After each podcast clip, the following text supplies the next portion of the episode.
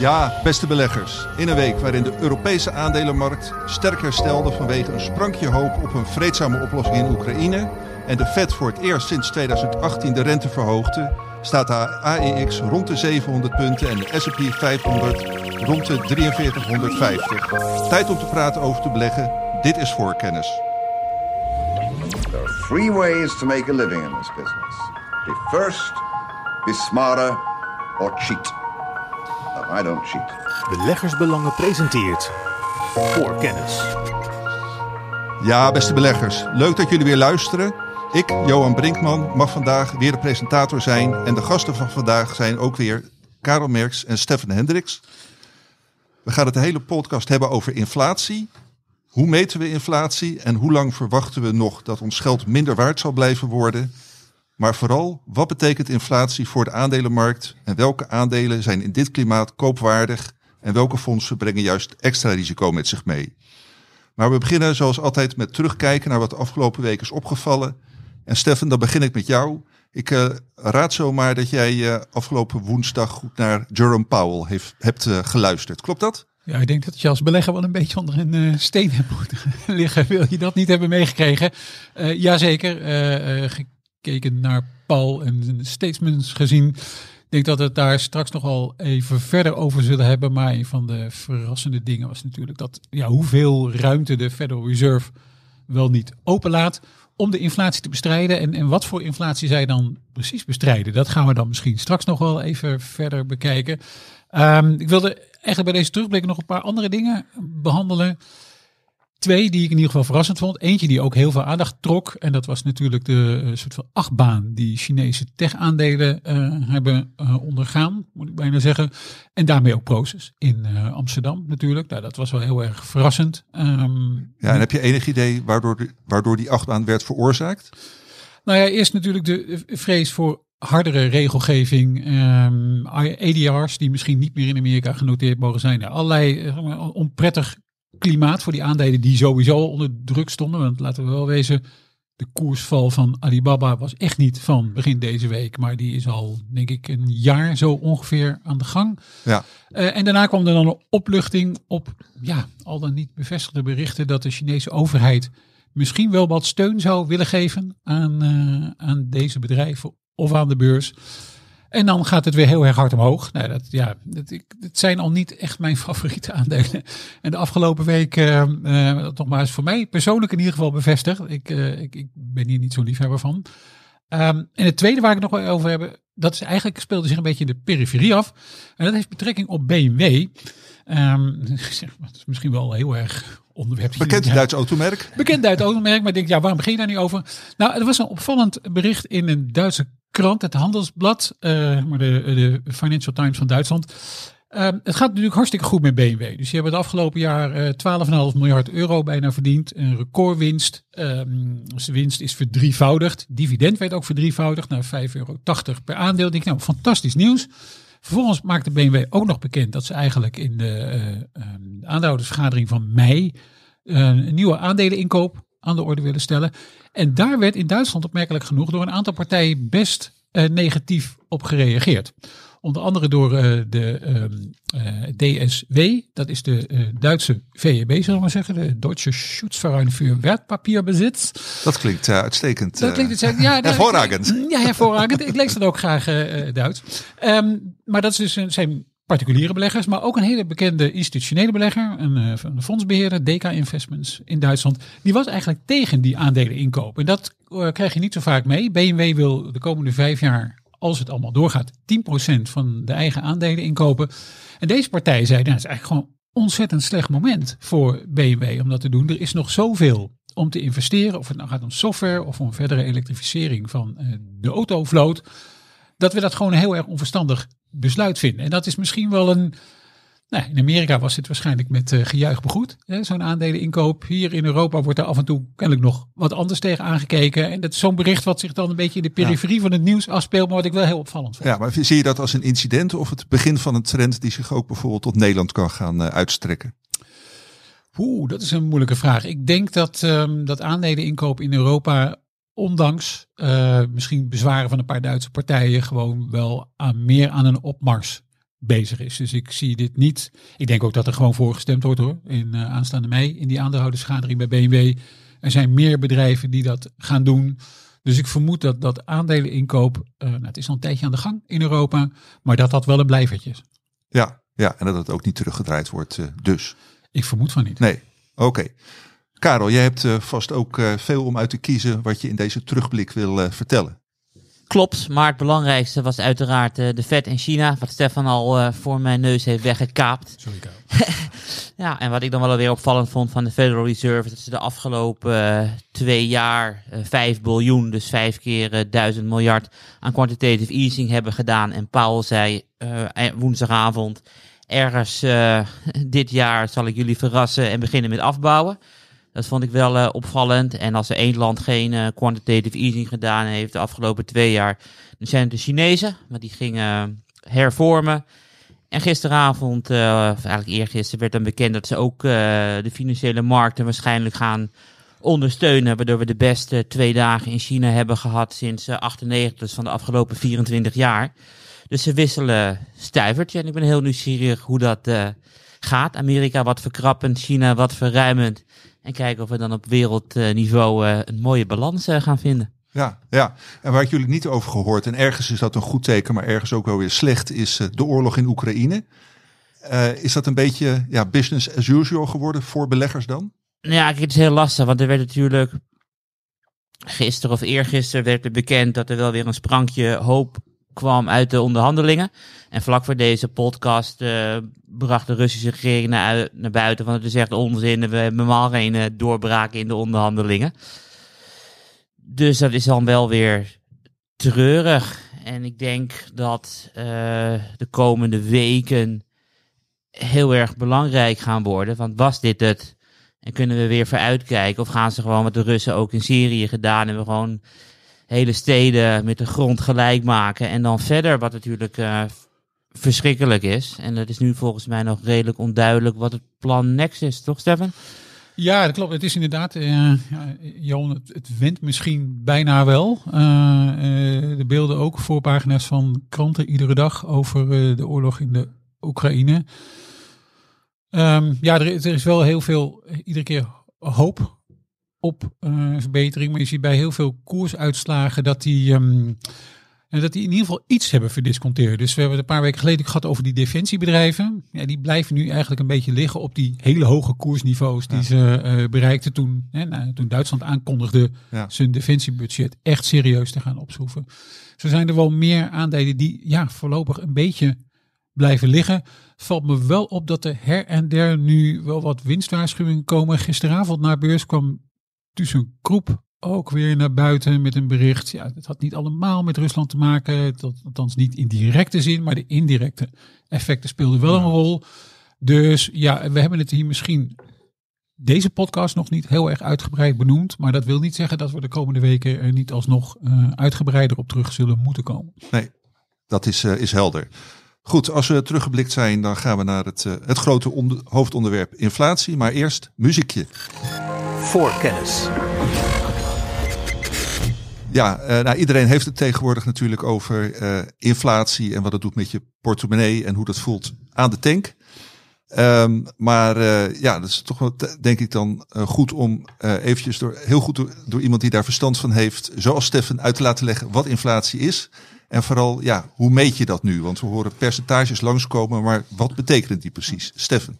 Nou, je voert de druk nu wel heel hoog op, joh. Maar ja. ik, ga, ik ga mijn best doen. Um, nou, we hebben natuurlijk gisteravond de Federal Reserve, althans Jerome Powell, meerdere malen het woord inflatie in de mond horen nemen. En dan vraag je af, welke inflatie hebben ze het dan eigenlijk precies over? Uh, wat het meeste het nieuws haalt, is de CPI, de Consumer Price Index. Daar is die berichten zien we het meeste.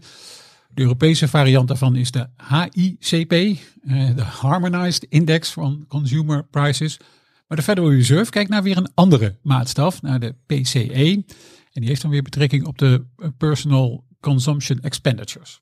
Um, als je het even heel simpel zou willen zien, kun je zeggen de, uh, de CPI die meet wat consumenten uitgeven en die PCE, waar de Federal Reserve dus naar kijkt, die meet eigenlijk een beetje de prijzen die uh, bedrijven doorberekenen. Wat ze dus eigenlijk aan hun uh, in de winkel neerleggen. Um, er zit dus wel wat verschil in die twee uh, maatstaven. Want die eh, CPI die staat op 7,9% in de VS per jaarbasis. En die PCE op 6,1%. En denk je, ja, dat is best wel apart. Hoe, hoe kan daar nou zoveel tussen zitten? Nou, dat heeft te maken met, uh, met tal van factoren. We willen hier natuurlijk niet een, een, een urenlange technische discussie maken over de inflatie. Maar er zijn wel een aantal zaken die, denk ik, van belang zijn. Uh, en om te beginnen heeft dat te maken met de weging van verschillende items in dat mandje van producten en diensten die door consumenten worden afgenomen. En hoe dat wordt gemeten. Dus die CPI, dat is echt iets van consumenten. Dus dat is een onderzoek onder een aantal een duizend Amerikaanse gezinnen en een aantal retailbedrijven, dus detailhandel. En dan zie je hoe dat mandje van tijd tot tijd verspringt. Dat is een mandje dat meestal twee jaar lang hetzelfde blijft. Nou, die PCE, wat ik al zei, dat is eigenlijk wat bedrijven aan prijzen gaan doorberekenen. Dus dat is van de andere kant bekeken. Niet van de consumentenkant, maar meer van de bedrijfskant. En het zijn ook uitgaven, niet alleen die gedaan worden door de consument zelf, maar ook uitgaven die gedaan worden namens de consument. En ik, hoezo namens de consument? Nou, in Amerika bijvoorbeeld, uitgaven aan medische zorg, die worden deels gedaan door Amerikaanse patiënten, gezinnen. Hè, die betalen dan, zoals dat heet, out of pocket. Dat is gewoon voor je medicijnen betaal je zelf. Maar er wordt natuurlijk ook nog door de Amerikaanse overheid en de Amerikaanse bedrijven ook heel veel betaald voor hun werknemers. Nou, dat wordt niet gemeten in de CPI. Dat wordt wel gemeten in die PCE waar de Federal Reserve naar kijkt. En dan is er nog één heel groot item. En dat is wel een heel beslissend item eigenlijk. En dat zijn de woonlasten. En die woonlasten die worden op een beetje vreemde manier meegenomen in die CPI en krijgen daardoor een hele zware weging. Ik moet altijd de precieze percentages er even bijpakken, want ik heb dat vanochtend allemaal uitgerekend. Woonlasten, eh, inclusief onderhoud en stookkosten, moet ik daar bij zeggen, die hebben een weging van 37,6% in die CPI. Eh, maar de inflatieindex, waar de Federal Reserve naar kijkt, ja, daar hebben diezelfde lasten, maar een weging van 17,4%. En dat scheelt enorm. En hoe komt dat nou? Nou, dat komt omdat in die CPI zit meegenomen, uh, ik weet niet hoe die Amerikanen er ooit opgekomen zijn, maar is de Owner's Equivalent of Rent. En dat is niks anders dan dat onderzoekers van de uh, Bureau of Labor Statistics, dat is de partij die die CPI maakt, die vragen aan huiseigenaren, stel dat jij je huis zou verhuren, wat denk je dat je dan voor prijzen van zou krijgen? Nou, die prijsontwikkeling wordt meegenomen in die prijsindex cijfer, in dat CPI-cijfer. En die heeft een zware weging van een procent of 24. Dus dat tikt enorm aan. Dat verschilt dus ook heel erg met de meting van de Federal Reserve. Dus dat is wel belangrijk om in de gaten te houden. Ja, en over in de gaten houden gesproken, want uh, jij noemt al verschillende maatstaven. Maar is er nou één cijfer waar je echt als Nederlandse particuliere belegger het meest op moet letten? Nou, iedereen schrikt het meeste altijd van die CPI-cijfers. Niet alleen omdat die standaard het hoogste zijn. Uh, die zijn altijd in de regel net ietsje hoger dan de PCE-cijfers van de Federal Reserve. Het zijn de cijfers die ook het uh, snelst worden gepubliceerd. Dus dat, dat is eigenlijk wat in eerste instantie de meeste aandacht trekt. Hè? Van dat, is nou, dat is precies waar de, uh, nou ja, wat de consumenten betalen. Die iets meer technische maatstaf van de Federal Reserve, die krijgt wat minder aandacht. En iedereen roept altijd, ja, de Federal Reserve kijkt naar de inflatie. Dan denk je, nou, die zullen dus wel naar de CPI kijken. Nou, dat, dat is niet volgens mij iets wat ze helemaal links laten liggen. Maar het is niet hun centrale maatstaf. Dus um, als je iets wil oordelen of iets wil inzicht wil krijgen in het beleid van de Federal Reserve, dan is het toch ook wel verstandig om naar die PCE te kijken. Ook al is dat een wat, wat, wat technischer uh, maatstaf.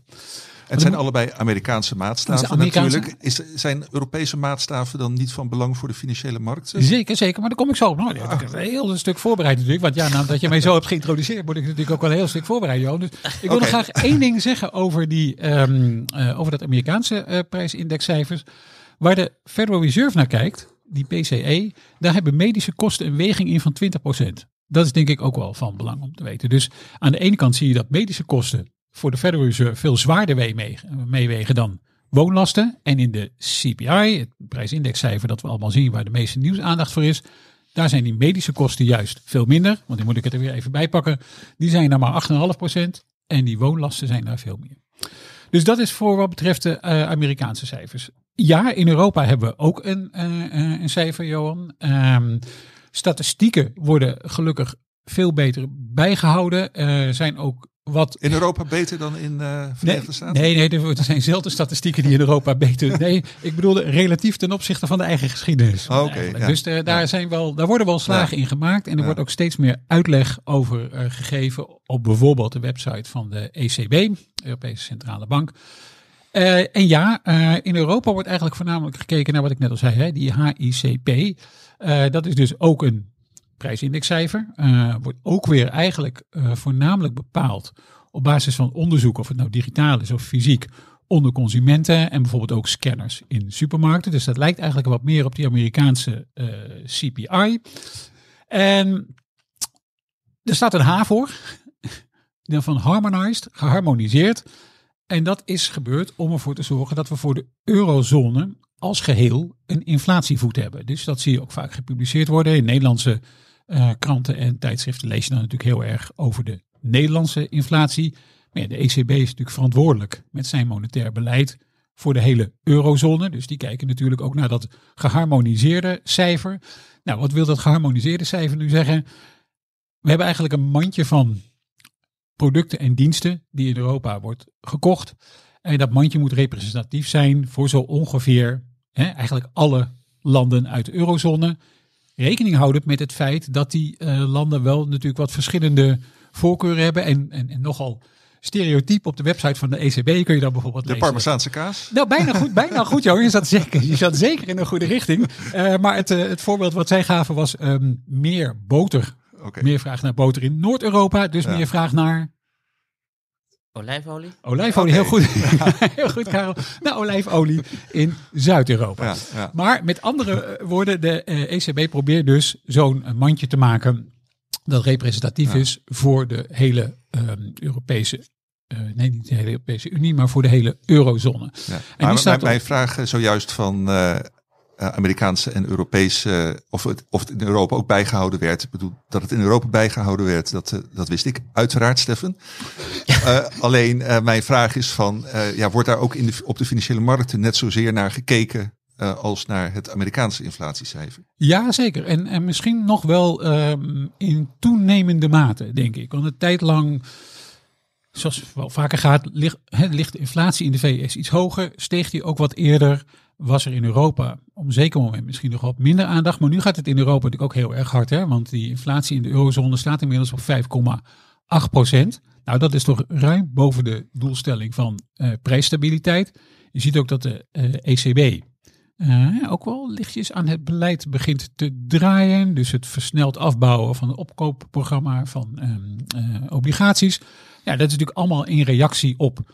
Dus dat cijfer, ehm, dat wordt natuurlijk wel degelijk heel erg goed bekeken. Omdat het ook wel degelijk iets gaat zeggen over wat de ECB zou willen doen. Wat vervolgens ook wel weer invloed kan hebben op de ontwikkeling van de euro. Ja. En nou hebben wij een hele goede collega, dat is Hildo Laman. En eh, die hoorde ik eh, laatst eh, zeggen toen we dit verhaal ook ja, in de redactievergadering erover hadden van ja, probeer het wel in context te zien. In China, ook geen onbelangrijke economie, daar blijft die inflatie die blijft daar gewoon veel lager. En dat is ook iets waar we met z'n allen rekening mee moeten houden. Deel jij die mening?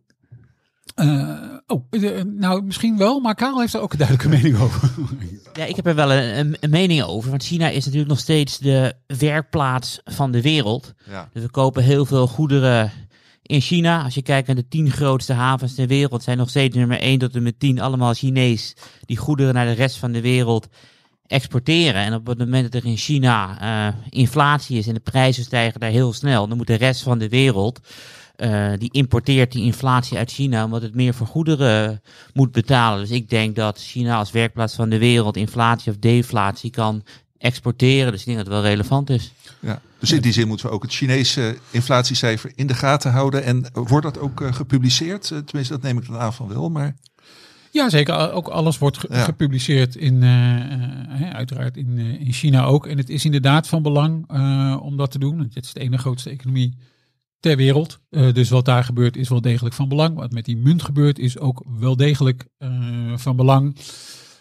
Voor het directe monetair beleid hier eh, is het, in hier bedoel ik dan in de eurozone of misschien nog bij de Federal Reserve in de Verenigde Staten, is het ietsje minder van Ja. belang natuurlijk. En gaat de directe aandacht eigenlijk heel erg uit naar die inflatiecijfers. is ook niet zo gek natuurlijk, want ehm, ja, Nederlanders hebben nu eenmaal te maken met de prijsstijgingen hier. Eh, en wat daar dan aan gedaan wordt door de centrale bank die beloofd heeft om de prijsstabiliteit te garanderen. Ja, Korte huiskamervraag. Japanse inflatie, Stefan. Nu, Ja? Oh, Ja, ja. Van, van, belang? Of, eh, Nou ja, je mag zeggen van, van belang, maar meer een huiskamervraag van wat is die? nou, wat die is, ehm, geen idee, maar het zal vast niet heel erg... Eh, eh, 0,9. ik wil zeggen, vast niet heel erg hoog zijn. Nee, Van de Eh, grootste landen de laagste. En volgens mij ehm zei de... maar ja, hoe komt dat dan? Want zij hebben toch ook last van dezelfde economische problemen, problemen in de keten als Europa, VS? Ja, ik denk dat ze wat eerder een kredietcrisis hadden in 89. En in tegenstelling tot eh, de Verenigde Staten zijn ze extreem laat. Hebben ze daarop eh, gereageerd. Ja. Met als gevolg dat de centrale bank van Japan eh, bijna 80% van alle staatsobligaties in handen heeft. En een kwart van de uitstaande ETF's in Japan. Dus ze zijn veel te laat begonnen om uit die kredietcrisis te komen. Ja, maar het is dan nu wel voordelig dat de inflatie daar niet eh, uit de bocht giert. Nee, maar tegelijkertijd, als ik me niet vergis, eh, zag ik volgens mij nu ook een bericht dat de president van de Japanse centrale bank zei van ja, wij kunnen nog niet heel erg gaan afbouwen, eh, want dat zou misschien nog niet goed zijn. Dat is ook niet echt als dat. Nee, klopt. Want ik bedoel, zij hebben natuurlijk nog als enige grote centrale bank doen zij yield curve control. Dus de 10-jaarsrente mag niet op 0, bij 0,2% hoger uitstijgen. Ze zijn 0,2, dus ze zijn nu echt weer quantitative easing op onbeperkte schaal aan het uitvoeren om die rente bij 0,2 eh, te houden. Ja, en ik denk Johan, eh, om toch nog even terug te komen op jouw vraag van ja, waarom letten wij dan misschien nu iets meer op de eurozone en op de VS? Omdat je daar eigenlijk de situatie dus heel erg uit de hand ziet lopen. Dus ik denk een half jaar, drie kwart jaar geleden, hebben we het in de podcast hier ook al eens gehad over ehm, dat Federal Reserve bijvoorbeeld sprak van een transitory inflatie, een transitory prijsstijgingen. Dus tijdelijk, dit is allemaal van voorbijgaande aard. Op het moment dat die olieprijs weer zakt, dan zul je dat allemaal wel weer terug zien Ja. vallen. Nou ja, dat blijkt dus niet zo transitory te zijn. En Nee. dat, dat woord is ook een beetje verdwenen. En, en met het verdwijnen van dat woord betekent ook dat een centrale bank dus heel anders denkt over het terugdringen van die inflatie. En nogmaals, 7,9 procent de volgende inflatie eh, CPI dan in Amerika, die zou zomaar eens wel met 8 kunnen beginnen. Dat levert gewoon, en we komen er later in de podcast nog wel terug, dat levert gewoon ontzettend veel onrust op. Ja, ja want dat is eh, natuurlijk eh, heel mooi dat al die eh, inflatiecijfers mooi in statistieken worden bijgehouden. En dat er heel veel verschillende maatstaven zijn. Maar inderdaad van belang is, eh, nou wat verwachten wij nou eh, de komende periode eh, van die inflatie, wat die gaat doen. En eh, volgens mij sta jij, eh, Karel, te popelen om daar wat eh, over te gaan zeggen. Ja, want ik vind het een heel moeilijk onderwerp. en om er eventjes aan te geven hoeveel verschillende factoren... Nou, ik, heb, ik heb niet gezegd dat je er extreem veel verstand van hebt, dus de lat ligt niet eh, overdreven hoog. Maar Misschien haal ik die lat dan nog ook nog steeds niet. eh. Nou, we gaan het zien. Nee, ik denk dat heel veel zal afhangen wat de Fed eh, gaat doen. Want we hebben gisteren natuurlijk een, een renteverhoging gehad van 0,25 procent. En dat betekent niet dat de Amerikaanse economie op dit moment al de gevolgen ondervindt van een renteverhoging van 0,25 procent. Dus om een voorbeeldje eh, te geven, er is een Amerikaanse wet dat op het moment dat creditcardmaatschappijen de rente voor hun klanten willen verhogen, dan moeten ze dat minimaal 45 dagen van tevoren eh, aangeven. Dus ja, je ziet pas na 45 dagen tot 76 dagen dat consumenten meer gaan uitgeven aan ehm, eh, rente en minder aan aflossing. Dus op dat moment is de economie wat aan het verkrappen. Alleen het leeft zo'n trage eh, doorstroomtijd. En wat ik wel even leuk vind, op het moment dat de luisteraars een keertje in Londen zijn, dan moeten zij naar het Centrale Bankmuseum van eh, de Bank of England. Ja. Want dan heb je een, een luchtballon hangen in Ja, een ruimte. ja. En die gaat omhoog en naar beneden. En die moet je dan rond de 2% houden. Dus in inflatie. Dus op het moment dat je denkt van...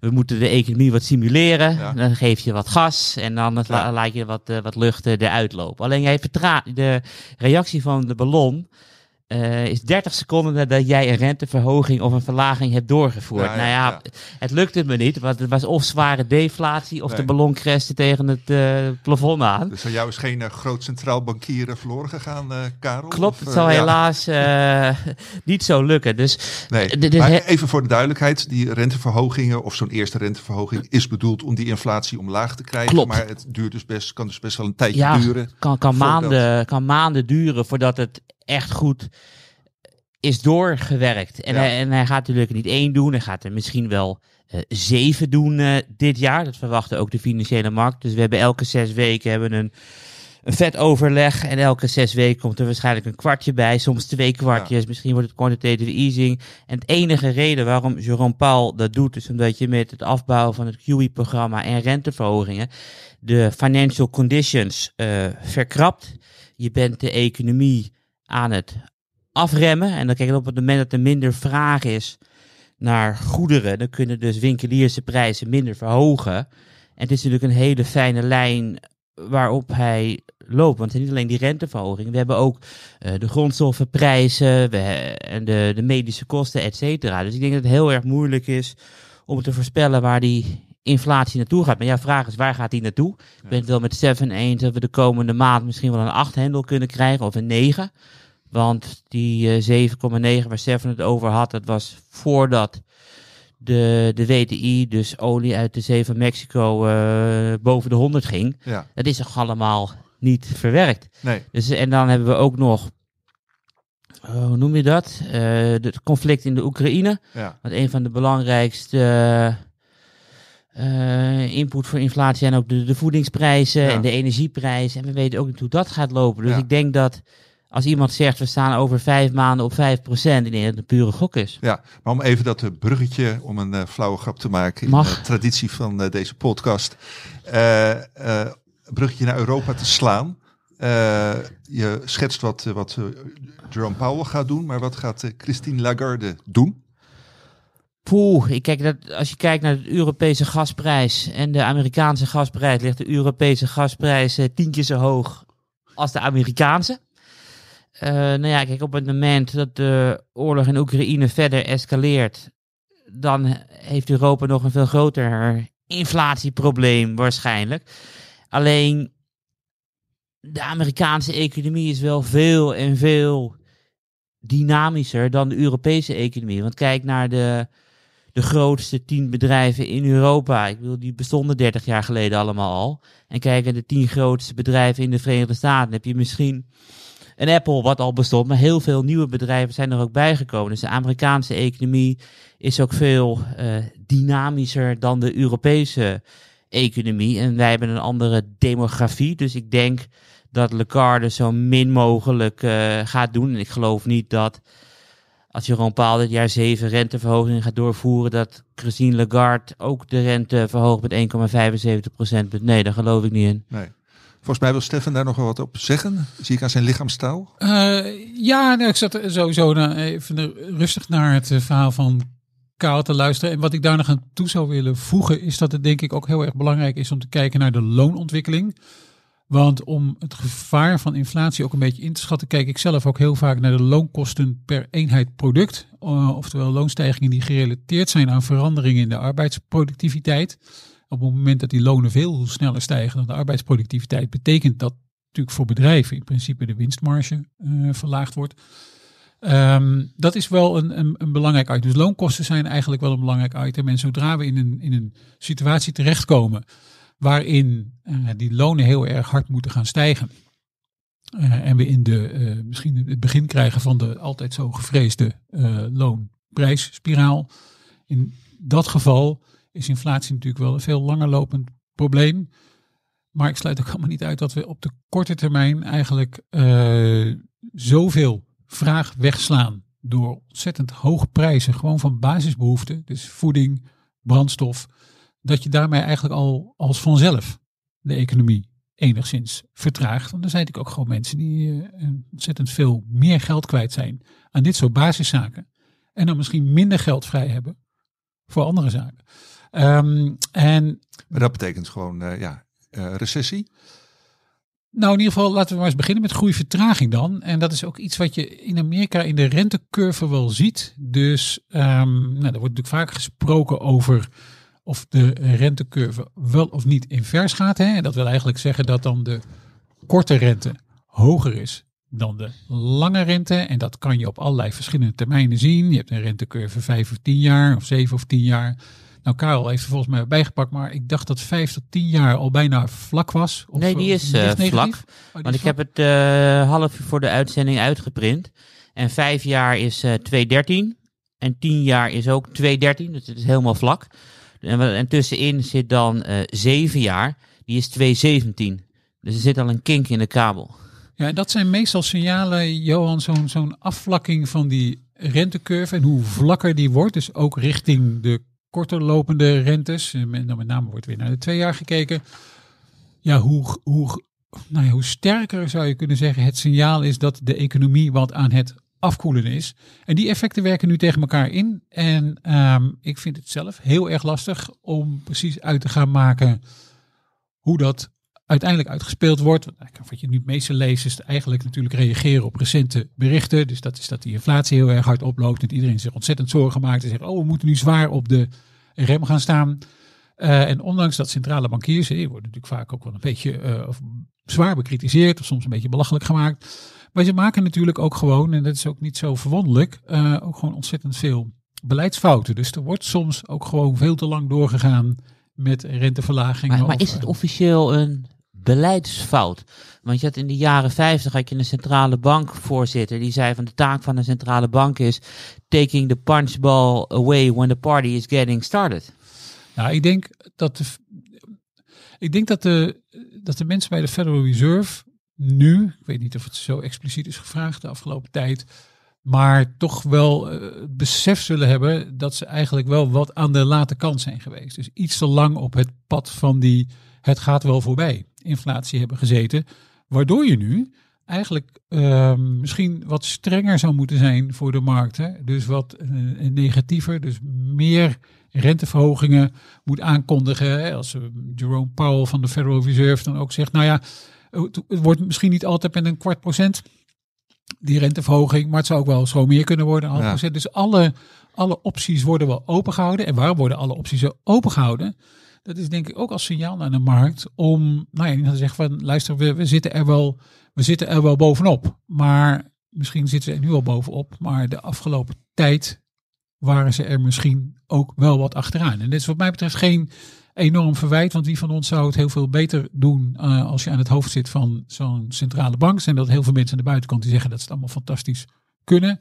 Eh, maar het, het is iets lastigs, maar ze zijn misschien wel eh, almachtig, maar niet alwetend. Nee, maar deze, want deze discussie speelt inderdaad natuurlijk al ruim een jaar. Althans, dat die inflatie een item begon te worden op de financiële markten en ook op de aandelenmarkten. Want nou, die, dat bruggetje wilde ik dan ook maken van de rente en de inflatie naar de financiële markten. Maar dat doen we niet zonder Voorkennis. Ja, want eh, nou ja, goed, daar zijn wij als eh, particuliere beleggers natuurlijk vooral in geïnteresseerd. Eh, ja, wat is de relatie tussen inflatie en de aandelenmarkten?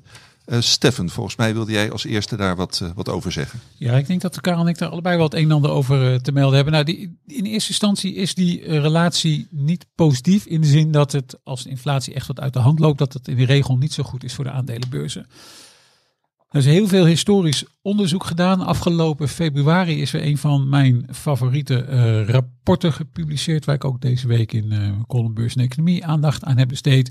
En is het eh, Credit Suisse Global Investment Returns Yearbook. Dat is een hele mond vol, maar het is een boek vol met fantastische data van uiteindelijk 35 landen over een periode van 122 jaar. Dus ontzettend veel data.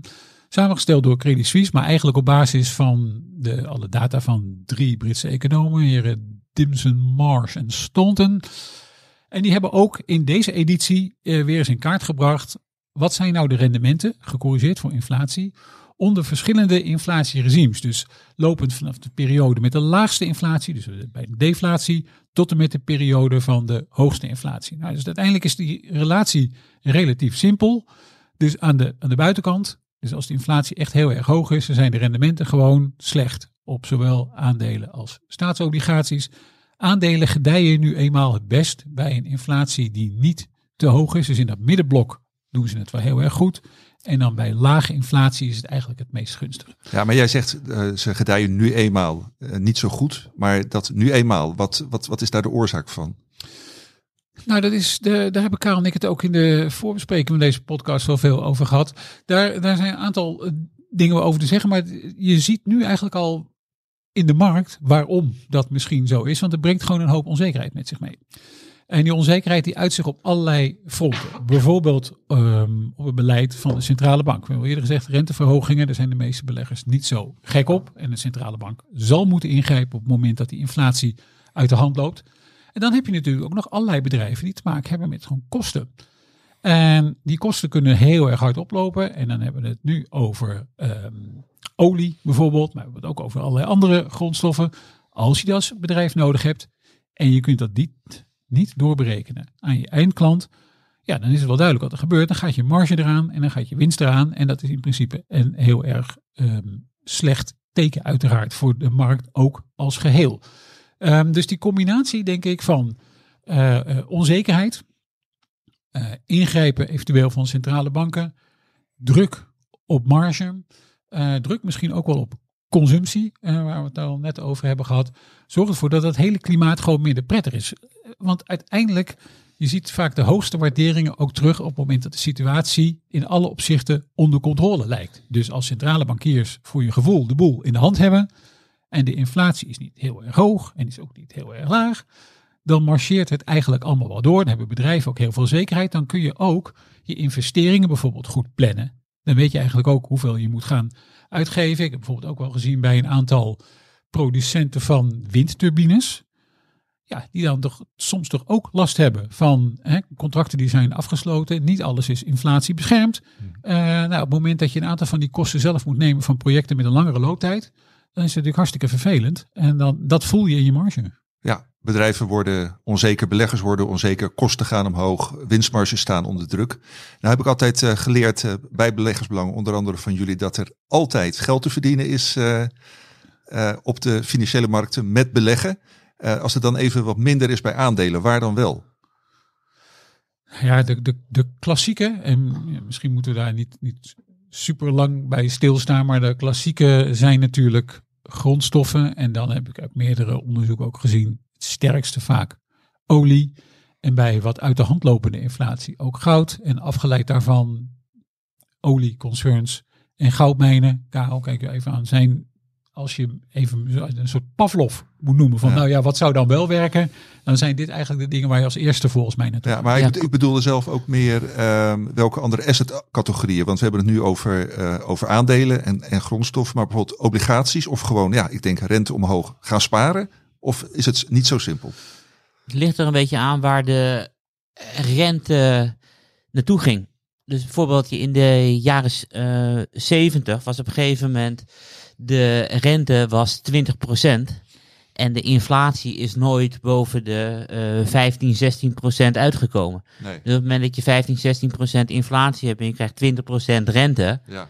dan is sparen een optie. Ja. Maar ja, nu hebben we in Europa, zitten we rond een procent of 5. Ja. Maar ja, de rente na weet ik hoeveel renteverhogingen zal nooit naar die 5 gaan. Nee. Dus in de jaren 70 had je dus een positieve rente. Wat betekent dus dat je rendement uit rente kan halen. Nu hebben we een negatieve rente. Wat betekent dus dat het geen alternatief is. Ja.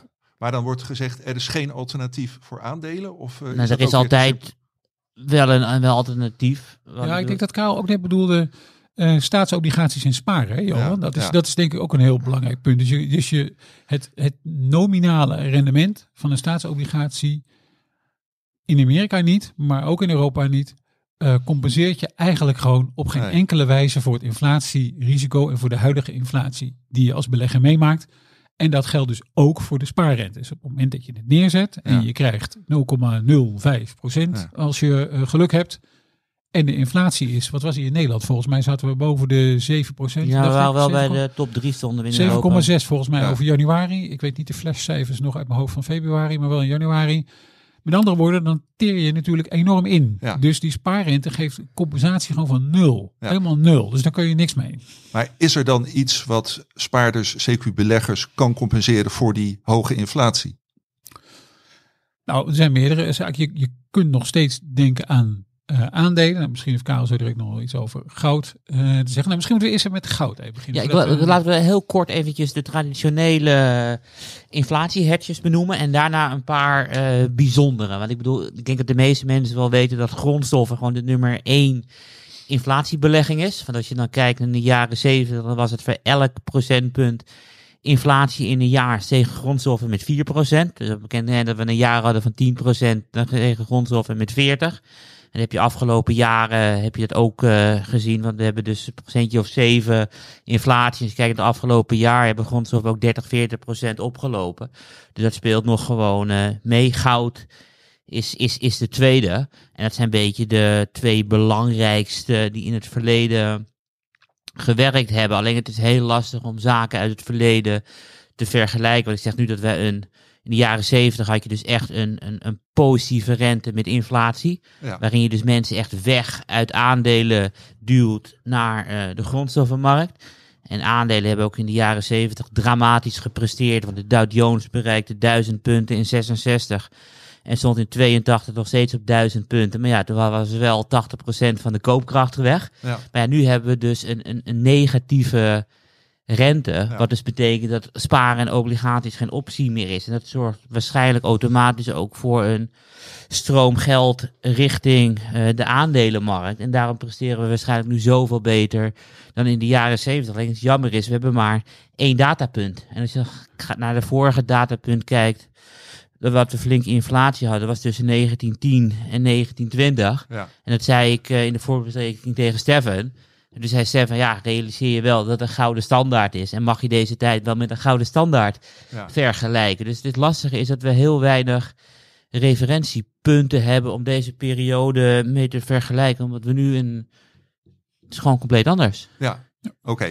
Maar we hadden inderdaad met elkaar afgesproken dat we niet eh, te veel tijd zouden besteden aan de meest voor de hand liggende eh inflatie-hedges. eh, maar dat we ook ja, zouden kijken naar wat minder voor de hand liggende eh, aandelen of andere instrumenten om eh, inflatie mee eh, te bespelen. En daar gaan we zo direct naartoe. Voorkennis. Ja, Karel, nou dan mag je gelijk eh, doortrekken. Wat zijn jouw eh, tips? Welke koopwaardige instrumenten heb jij voor eh, beleggers die geen slachtoffer willen worden van inflatie? Ik eh, zit te denken aan beurzen. Omdat inflatie er waarschijnlijk voor gaat zorgen dat er veel meer handel is op, eh, op beurzen. En dan mijn favoriet van de verschillende beurzen is de CME Group. Het is de grootste derivatenbeurs op de wereld. En ze hebben allemaal eh, opties en futures op onderliggende waarden als eh, valuta, energie, rente, metalen en ook cryptocurrencies sinds een jaar of twee. En op het moment dat er inflatie is, dan zie je ook eh valutabewegingen flink toenemen. Ik bedoel, dan is het niet meer zo dat de euro en de dollar eh, stabiel zijn. Maar als in Europa de inflatie veel hoger wordt, zullen die valutabewegingen flink toenemen. Energie, eh, rente, metalen en ook cryptocurrencies zijn dan allemaal eh, optiecontracten en futurecontracten die gewoon veel meer handel gaan genereren in tijden van inflatie. En kijk, een beurs heeft vaste kosten, maar beleggers moeten wel afrekenen per derivatencontract eh, dat zij kopen. Ja, En als je dan kijkt naar de afgelopen drie weken, ik bedoel, olie is verschrikkelijk moeilijk Ja. om in te handelen. Ja. Want Rusland staat eh, voor de grens aan de Oekraïne Ja. en we staan op 100. ja, Dan gaan we in de olieprijs gaan we naar 140 op het moment dat meneer Poetin binnenvalt. ja. En nu zijn we weer bij 100. Ja. Dus die hele oliepremie is uit die markt gegaan. ja. Ik snap de reden niet. Nee. Want eh, wereldwijd gebruiken we zo'n 85 eh, à 88 miljoen barrels a day. Ja, Rusland produceert eh, daar 11 van. ja, het is niet zo dat dat wegvalt. We gaan Nee. sancties doen en die olieprijs heeft een roundtrip gedaan. Dus die speculanten zitten er waarschijnlijk allemaal naast. Ja. Dus die moeten kopen, verkopen, sluiten, eh, stoploss, margin call, ja.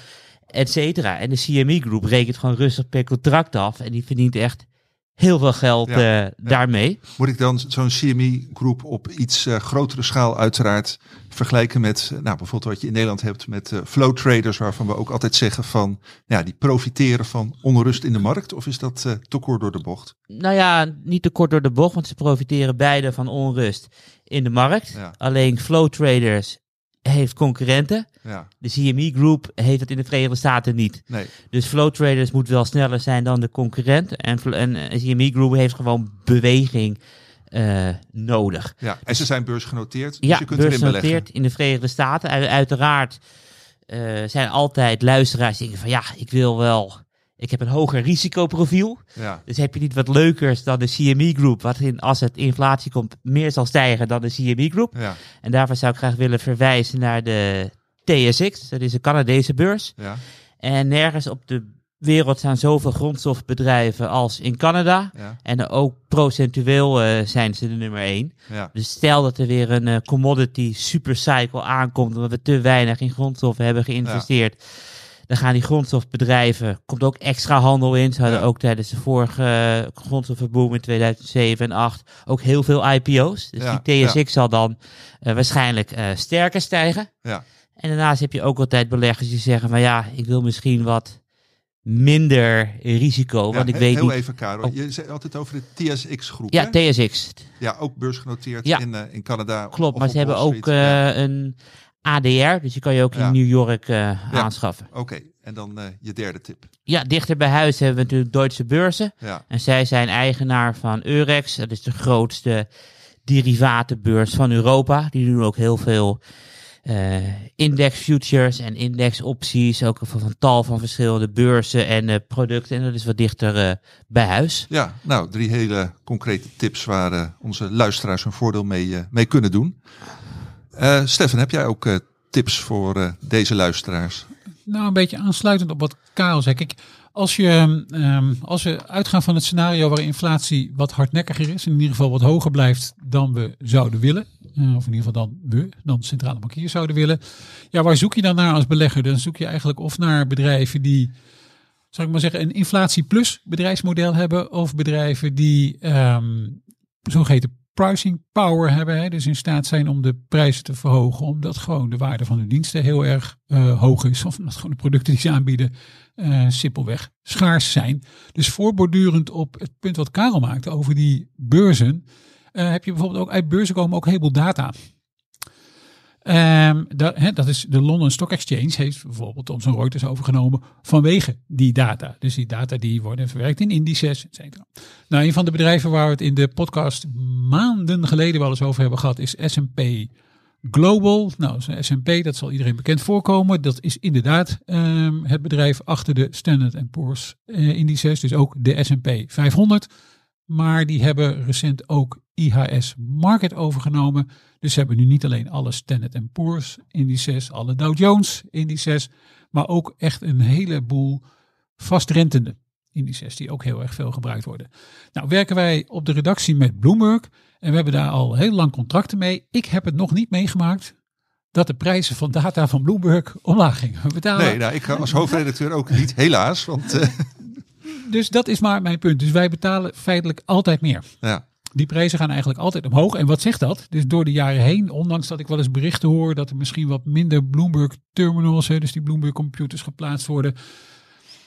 Ik lees eigenlijk alleen maar dat die prijzen eh, omhoog gaan. En alles wat ik zie bij S&P Global, dit bedrijf, eh, ook beursgenoteerd. Dus eh, daar gaan de prijzen ook heel erg van omhoog.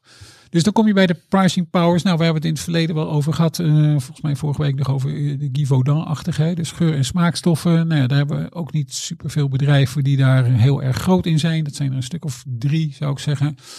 Eh, industriële gas hebben we het eerder al over gehad. Daar zit zelfs inflatie gewoon ingebakken in het bedrijfsmodel. Sterker nog, in bepaalde contracten staat het er gewoon in. We berekenen het één op één aan jullie door. Dus het is ook niet eens meer een vraag. Of een, of een, het gaat gewoon, wordt gewoon doorberekend.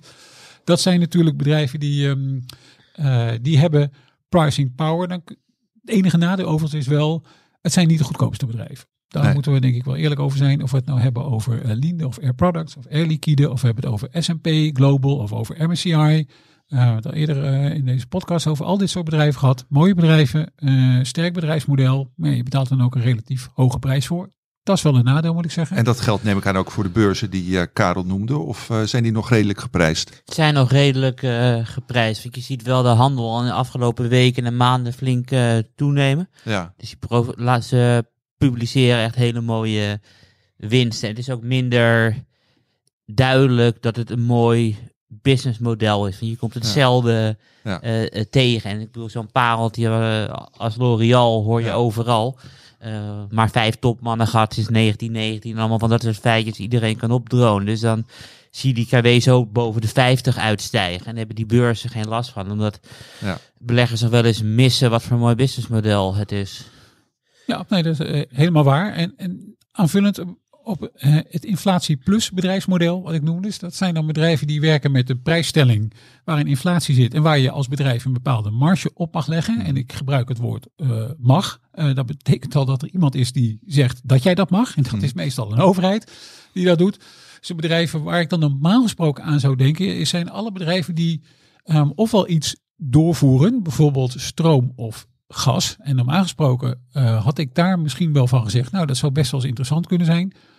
Waren het niet dat ehm, door die gestegen gasprijzen en daarmee ook de gestegen elektriciteitsprijzen, het overheid ook wel gelegen is ehm, om die prijzen niet verder op te laten lopen. Dus die betekent dat die netwerkbeheerders misschien ook niet zo heel veel ruimte meer hebben om die prijzen omhoog te gooien. en daar hebben we een paar voorbeelden van gehad uh, afgelopen maanden in uh, Zuid-Europa met name. Ja, daar, daar zie je wel. Um, uh, nou ja, er waren cijfers van E.ON. Dat is zo'n bedrijf dat heel veel gas doorvoert. En die hebben het eigenlijk ontzettend goed gedaan. Verwachtingen overtroffen. Maar die zeggen bijvoorbeeld zelf, nou ja, um, wij voeren weliswaar gas door, maar er moet er wel gas komen. Ja. En als wij in Duitsland of in Europa zeggen, nou we nemen geen Russisch gas meer af, dan denk ik dat men in uh, Essen, zitten ze volgens mij, ja. bij E.ON ook een beetje om zich heen gaat kijken. Ja, wat gaan wij dan ook alweer doorvoeren? Waar halen we dat dan vandaan? En ja. dan heb je dus ook een probleem in je bedrijfsmodel. Dus dat is die, die hoek die, waar ik normaal gesproken misschien ook uh, in mijn persoonlijke portefeuille wel iets naar gezocht zou hebben. Dat is misschien op dit moment niet zo verstandig. Maar je hebt ook nog wel andere inflatie plus modellen, bijvoorbeeld de tolweg-exploitanten. En daar denk ik, um, zie ik wel wat meer ruimte om die prijsverhogingen gewoon door te voeren. Dus de Vincis en de Eiffage van deze wereld, die zijn denk ik niet oninteressant. Um, ja, dat ook... kan er nog wel bij hogere tolwegprijzen als je toch uh, je tank net vol hebt gegooid. Is dat het idee of... Uh... Ja, het zit. Het, uh, nou ja, het idee is eigenlijk. Nou, het, het, het idee is niet als we bij Fancy denken. dat kan er dan ook nog wel bij. Het, uh, uh, het idee is dat Fancy of Eiffage concessies kopen ja. op het exploiteren van zo'n tolweg. Ja. En die concessies hebben meestal heel lang lopende looptijden. Dus dat is meestal nou ja, 30 jaar, is niet echt uitzonderlijk. Daar zitten allemaal verplichtingen aan vast, wegenonderhoud, et cetera. Uh, en daar staat wat tegenover. Uh, namelijk dat jij die tol mag heffen, maar dat je die ook die tol mag verhogen. Vaak met inflatie plus of misschien inflatie net min. Maar in ieder geval zit daar al een component in die meeloopt. En dat is voor die bedrijven denk ik wel interessant. Zoals al veel, aan veel dingen zit hier wel een klein zwart randje. Want het zijn niet alleen bedrijven die in die concessies doen, dus in die tolwegen. Maar het zijn ook grote bouwbedrijven. Um, en ja, voor die bouwbedrijven valt het nog te bezien in hoeverre inflatie heel erg gunstig is. Want zij werken natuurlijk met materialen die ze moeten inkopen. En die worden ja. ook niet uh, goedkoper. Dus er zit aan de andere kant wel een, een, een, klein, een klein probleempje. Maar dit zijn in ieder geval Ja. bedrijven die wel een beetje aantrekkelijk zijn gewaardeerd. Maar eh, eh, help me even, bedrijven die we echt op de voet volgen. Linde, Vinci, hebben we daar koopadviezen op op Ja, dit eh, moment? Beide wel. ja. Beide wel. En ja. Linde heeft zich ook redelijk goed gehouden. Hoor. Vanaf de top van 310 volgens mij nu naar eh, 280 eh, en een beetje. Ehm, ja, die, die krijgen uiteraard wel een tikje mee. Je krijgt soms ook, en dat zo'n zo'n vreselijk, eh, zo'n vreselijke oorlog als in de Oekraïne, geeft je soms ook opeens, ja, from left field, zoals de Engelsen dan zeggen, dat er opeens iets aankomt. Dus Linde had bijvoorbeeld een heel groot contract, een miljardencontract met Gazprom. Ja. Ja, dat is natuurlijk iets waar hè, Linde heeft gezegd van ja, wij zullen ons net als zo heel veel andere bedrijven Ja. Terug gaan trekken uit Rusland. Dus het, eh, het zou mij niet verbazen als dat hele contract niet doorgaat. En dan nogmaals, dan hebben we het echt over miljarden. Eh, want Gazprom is natuurlijk een gigantische partij. Linde is ook de grootste partij in deze markt. Dus dat gaat hard. Staat dan wel weer tegenover dat als wij in Europa bijvoorbeeld veel meer aan duurzame energie gaan doen en veel meer eh, bijvoorbeeld vloeibaar gas, hè, eh, LNG willen gaan gebruiken en ook veel meer waterstof, nou ja, dan kom je ook weer uit bij Linde. Ja. Dus dat is op zich dan weer niet zo heel erg Nee. gunstig. En nog even kort, heren. Eh, zijn er nou ook eh, bedrijven of sectoren waar je juist extra eh, voorzichtig moet zijn in dit klimaat? Nou, ik ben zelf wel, ja, ik kan, kan misschien nog even nadenken, maar ik ben zelf wel heel erg benieuwd hoe dat nou precies bij die techbedrijven uiteindelijk gaat uitpakken. En misschien ook nog wel bij een aantal biotech of soms farmabedrijven. En waarom?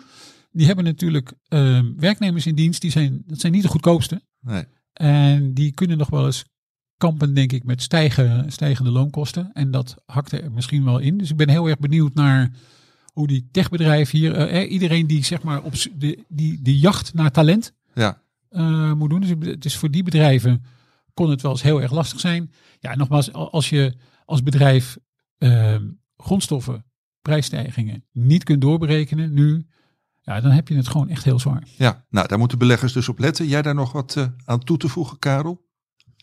Ja, de komende tijd ga ik sowieso de margeontwikkeling bij heel veel bedrijven, of eigenlijk alle bedrijven, eh, grote bedrijven volgen om te kijken van wat zijn de onverwachte zaken. Want ik weet bijvoorbeeld niet op het moment dat je een, een Google hebt, welk percentage van de kosten arbeidskosten zijn, Nee. et cetera. Het is voor mij nog redelijk onduidelijk. Dus we moeten gewoon even gaan, gaan kijken eh, de komende tijd. Ja. En ik ben op zich ben ik ook wel heel erg nieuwsgierig eh, hoe de staatsobligaties het gaan doen die gecorrigeerd worden voor inflatie. Ja. Maar die zijn echt eh, extreem opgelopen de laatste tijd. Dus je hebt leningen die voor 100 geëmiteerd zijn, voor 100 aflossen, maar die noteren op 250. Eh, dus de vraag is een beetje hoe die zich gaan ontwikkelen als de inflatiepercentages op deze niveaus blijven. Dus ik denk dat vooral heel veel onderzoeken de komende tijd Ja. is. En is dit transitory of is het een blijvertje? Ja, ja. Eh, nou, ja, je bent automatisch al eh, gaan verklappen waarop je eh, op vooruitblikt eh, de komende week. Onder meer op dit soort dingen, maar ook nog op andere specifieke dingen, Karel. Ja, de, de oorlog overheerst toch wel het leed wat daar allemaal gaande is. Dus Ja. dat, Ja. Ja, nou daar hoef je niks aan toe te voegen. Dat spreekt voor zich. Eh Stefan, jij zal er ongetwijfeld eh, net zo over denken. Maar heb jij daarnaast op de financiële markten nog specifieke dingen waarvan je zegt, daar moeten we echt op letten? Nou, dat is eh, één ding waar ik voor deze week specifiek op let. We nemen deze podcast altijd op op een donderdag. En vanavond na beurs komt het Italiaanse nutsbedrijf Enel met zijn volledige jaarcijfers.